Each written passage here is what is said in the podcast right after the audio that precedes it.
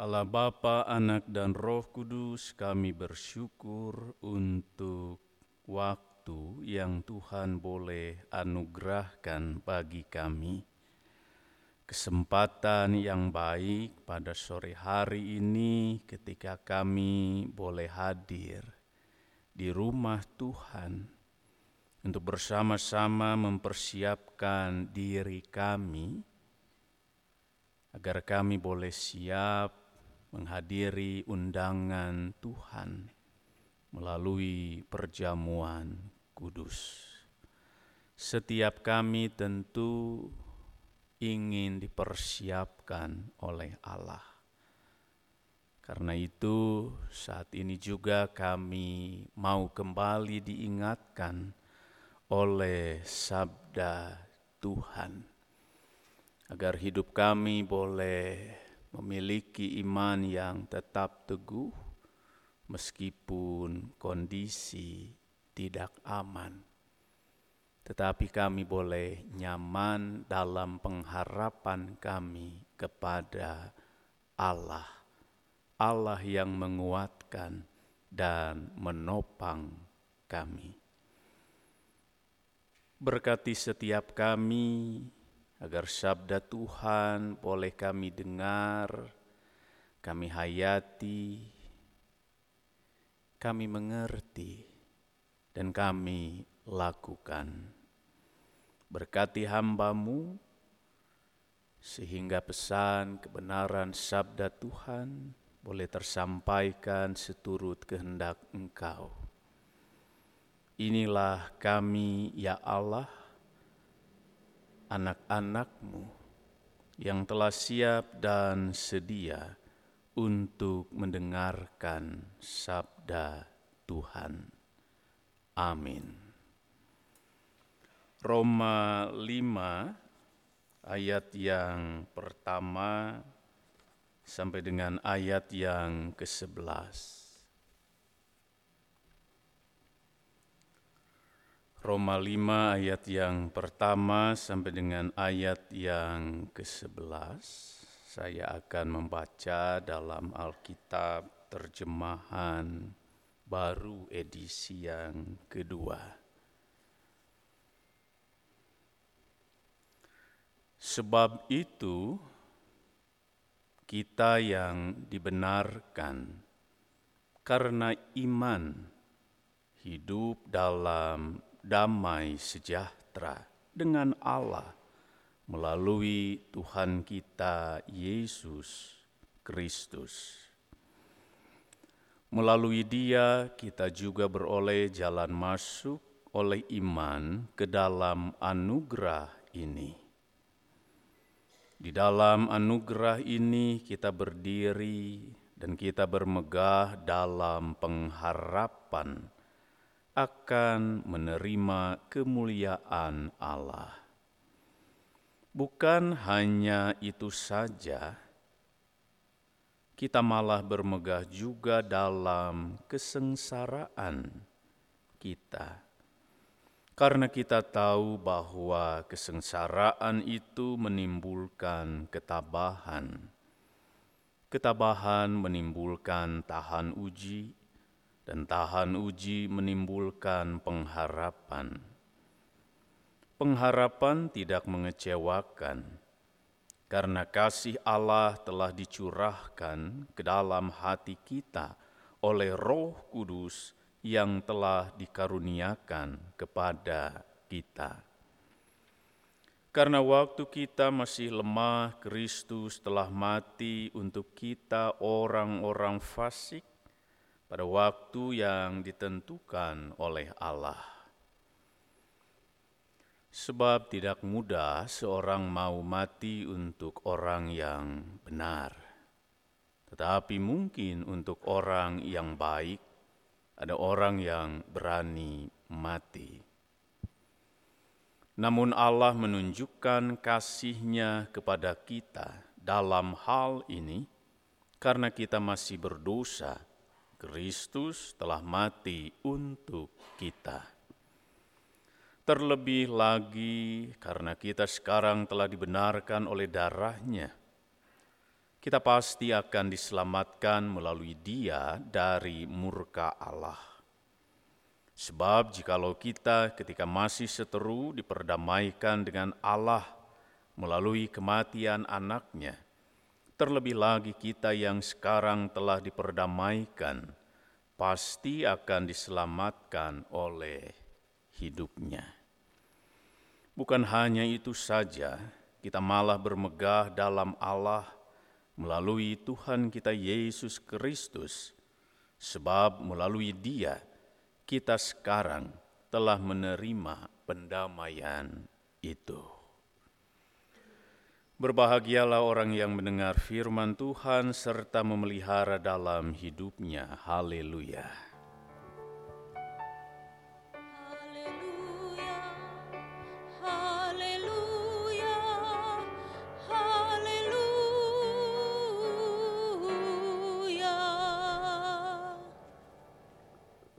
Mengawali khotbah ini ada satu lagu yang akan dinyanyikan oleh prokantor satu bait saja. Mangga. Rungkat ente-entean Gelangan kowe sing paling tak sayang Stop mencintaimu gawe aku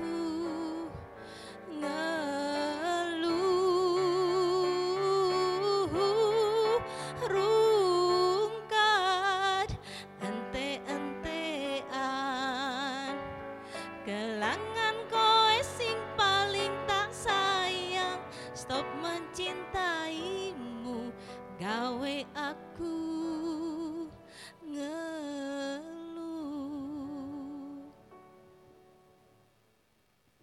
rungkat. Bapak Ibu Saudara-saudara, kira-kira rungkat itu apa?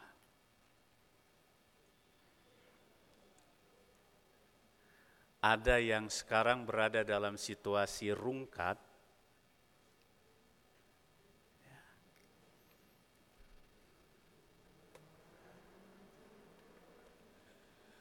Para penatua ada yang rungkat,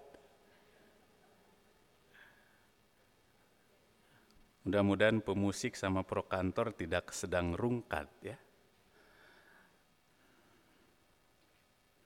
Rungkat menggambarkan kondisi seseorang yang penuh kekecewaan, eh, sakit hati, dan penyesalan yang mendalam. Gambaran lagu tadi menggambarkan orang yang kehilangan seseorang yang begitu disayang. Padahal ia sudah melakukan dan memberikan yang terbaik, bahkan segalanya, berkorban banyak, tapi cinta yang tulus dihianati, sehingga hatinya rungkat. Dalam hidup yang tidak mudah ini, kita juga bisa mengalami yang namanya rungkat. Dalam bahasa Sunda, rungkat itu berarti runtuh, roboh, tumbang, ambruk, hancur, tercabut sampai ke akar maka orang dalam kondisi rungkat pasti dia akan mengalami kekecewaan yang mendalam, kehilangan yang sangat, sakit hati yang perih. Dan itu bisa mengakibatkan seseorang kehilangan pengharapan dan juga keyakinan. Bahkan kehilangan pegangan.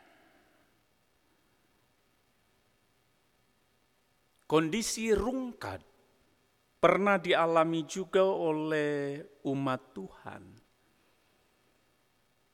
di Roma.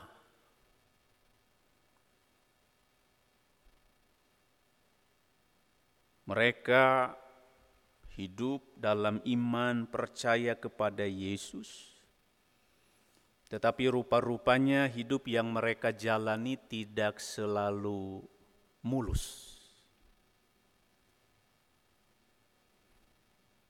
Ada banyak kerikil tajam, ada banyak hambatan, begitu juga ancaman, ada banyak pergumulan yang mereka hadapi. Bukan hanya dari orang-orang Yahudi, tetapi tentu juga kekaisaran Romawi punya andil besar yang mengakibatkan mereka mengalami satu kondisi luka dan duka, menderita dan sengsara. Dan ada banyak dari mereka yang merasakan rungkat tadi. Ambruk, hancur, tumbang. Dan kondisi rungkat itu tentu membuat mereka bingung kudua kutilu kalau orang Sunda bilang jangar pipikiran, asa ngoleang hampang asa tenapak bingung temanggih tungtung susah nute aya sudana katuru katutuh. Seolah-olah mereka tidak mampu melihat seperti lagu kedua tadi, apakah benar nanti sehabis hujan itu ada pelangi? Apakah benar Nges panas aya iuh, nges hujan aya raatna, atau hujan itu berhenti. Mereka ragu akan itu. Karena bagi mereka pergumulan yang mereka hadapi adalah pergumulan yang tidak biasa pergumulan yang berat, menyesakkan dada, membuat mereka gelisah, resah. Dan itu adalah kondisi rungkat. Seolah-olah hancur, tak berdaya. Sehingga untuk mencoba berdiri, bangkit lagi itu sulit.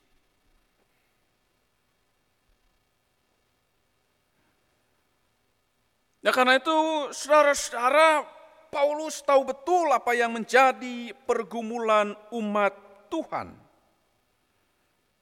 ketika itu. Sehingga Paulus mengingatkan persoalan iman. Dan juga Paulus mengingatkan persoalan kehidupan yang tidak mudah karena itu ada ujian. Paulus juga mengingatkan, oh ada pengharapan. Paulus juga mengingatkan dalam bacaan kita hari ini, Bapak Ibu saudara-saudara, bahwa dalam segala situasi itu Allah menunjukkan kasihnya. Sehingga Paulus mengingatkan, bukankah Kristus telah mati untuk kita? Beriman dalam aman mudah. Tapi beriman dalam ketidakamanan, dalam kengerian dan ketakutan akan cengkeraman kekaisaran Romawi itu bukan beriman yang nyaman. Ada was-was, ada cemas yang mereka rasakan.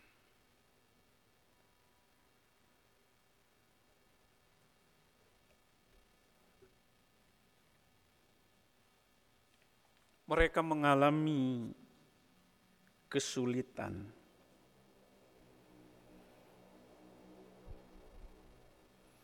Tetapi apakah kemudian itu menjadi sebuah alasan lalu untuk mereka memilih mundur?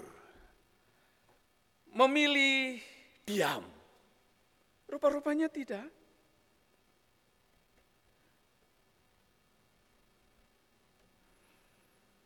Justru Paulus mengingatkan tentang ketabahan.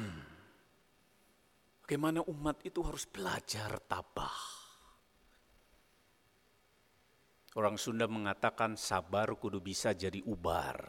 Dan kalau sabar sudah menjadi ubar, maka orang bisa tabah.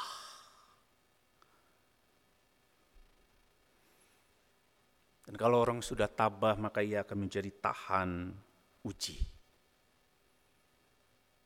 Dan orang Sunda mengatakan kalau mau tahan uji, latih kuperih. Mungges kalatih kuperih menang perah kalau sudah menang perah, maka ia akan mampu menghadapi berbagai pergumulan hidupnya.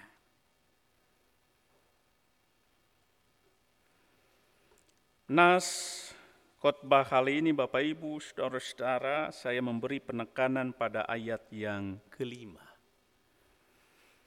Pengharapan tidak mengecewakan karena kasih Allah telah dicurahkan ke dalam hati kita oleh Roh Kudus yang telah dikaruniakan kepada kita. Paulus mau mengingatkan untuk merespon berbagai persoalan itu yang kadang bisa membuat orang menjadi rungkat. Justru kita harus punya pengharapan kepada Dia.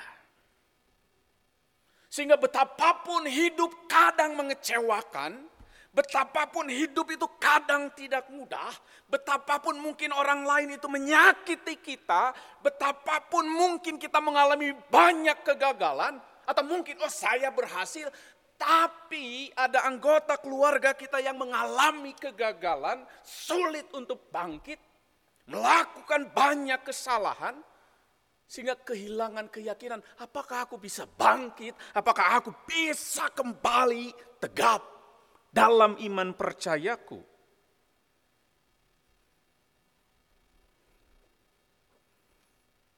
Apakah dalam situasi yang sulit, setiap kita masih bisa bangkit, atau justru kita berkelit dan sulit menemukan peluang dan ruang untuk kita bergumul bersama dengan Allah.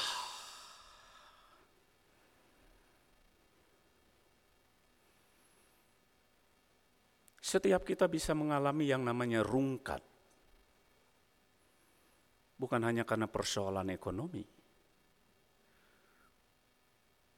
Tetapi juga karena persoalan lain. Persoalan rumah tangga bisa membuat kita rungkat.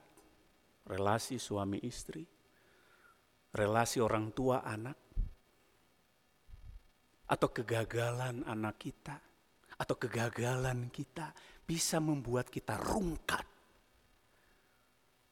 Tidak mudahnya hidup dalam keyakinan iman yang terus teguh yang dihadapi oleh jemaat Roma itu bisa membuat mereka rungkat.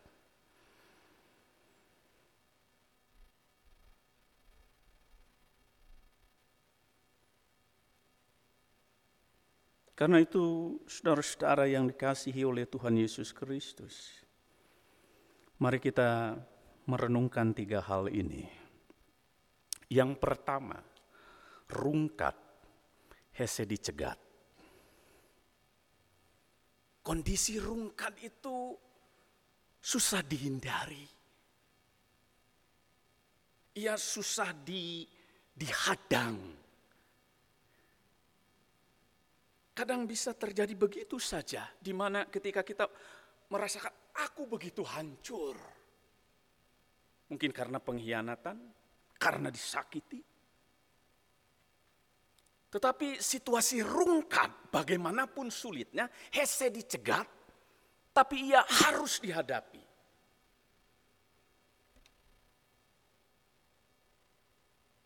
Kan itu persoalannya bukan rungkadnya.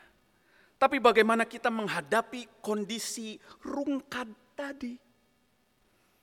Apakah kita memilih berserah dalam pengharapan pada Allah?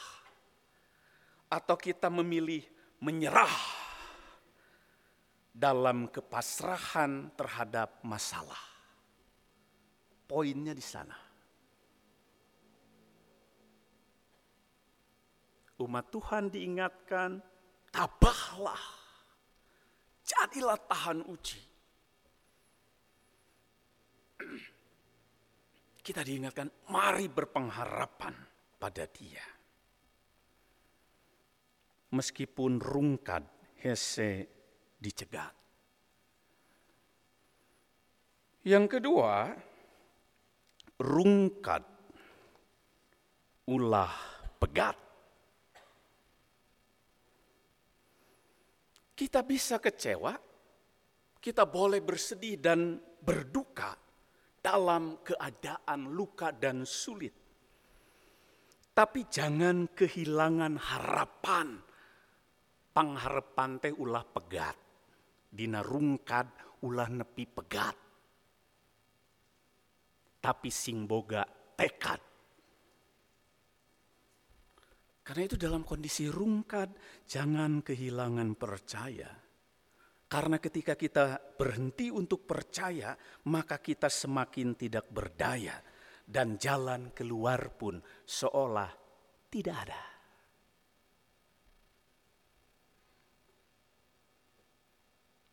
Jadi meskipun kita bisa mengalami yang namanya rungkad, tapi ulah pegat dina pangharapan, ulah pegat dina iman, sing tetep boga tekad. Yang ketiga, rungkat sing kuat. Sabab Gusti pasti ngangkat. Dalam kondisi rungkat tetaplah kuat karena ada Allah yang hebat. Allah yang punya kekuatan luar biasa.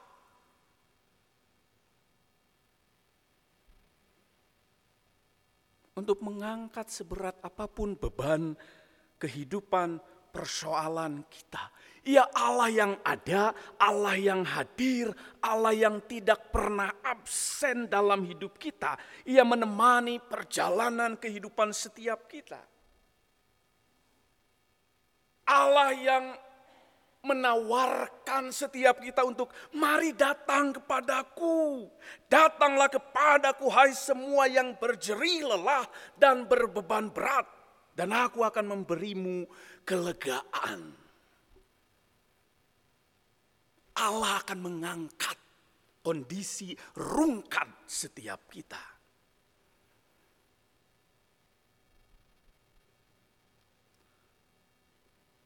Saudara-saudara, Minggu 19 November kita akan hadir dan mengikuti perjamuan kudus.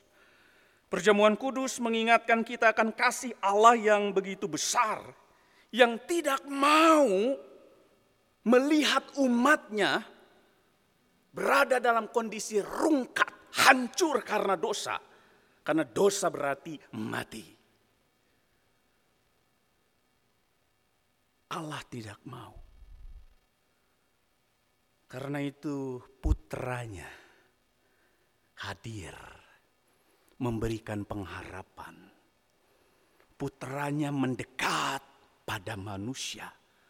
Kondisi setiap orang yang rungkat tadi diangkat, dipulihkan oleh Allah di dalam Kristus Yesus melalui pengorbanannya yang luar biasa.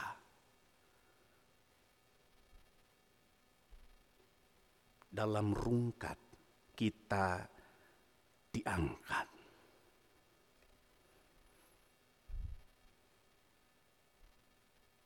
Dan melalui momen perjamuan kudus, bukankah kita juga diingatkan betapa kasih Allah itu luar biasa.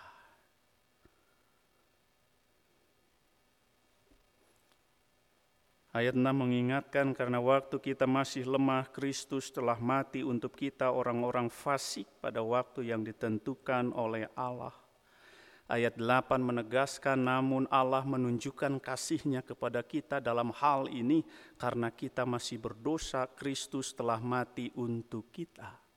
Kalau Kristus tidak mati untuk kita, maka kita berada dalam kondisi rungkat yang abadi.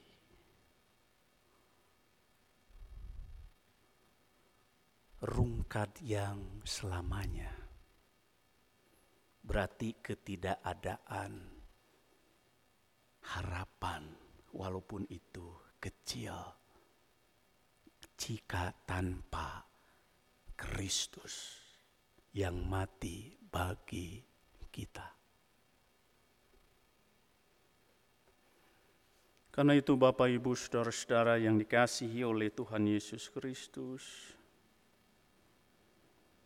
Allah di dalam Yesus Kristus memberi dirinya mati di kayu salib, memulihkan setiap kita yang rungkat.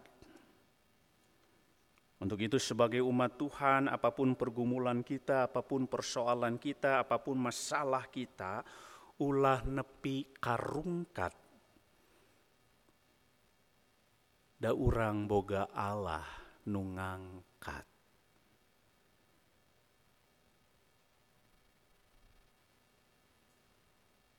Biarlah setiap kita siap untuk hadir dalam perjamuan kudus dengan hati yang penuh dengan pengharapan.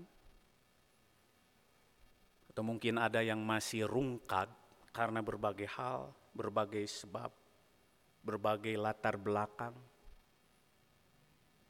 rungkat dalam hal ekonomi, atau karena sakit penyakit, karena disakiti, dihianati, karena kegagalan-kegagalan kita, anak kita, mantu kita, dalam berbagai situasi rungkat sekali lagi.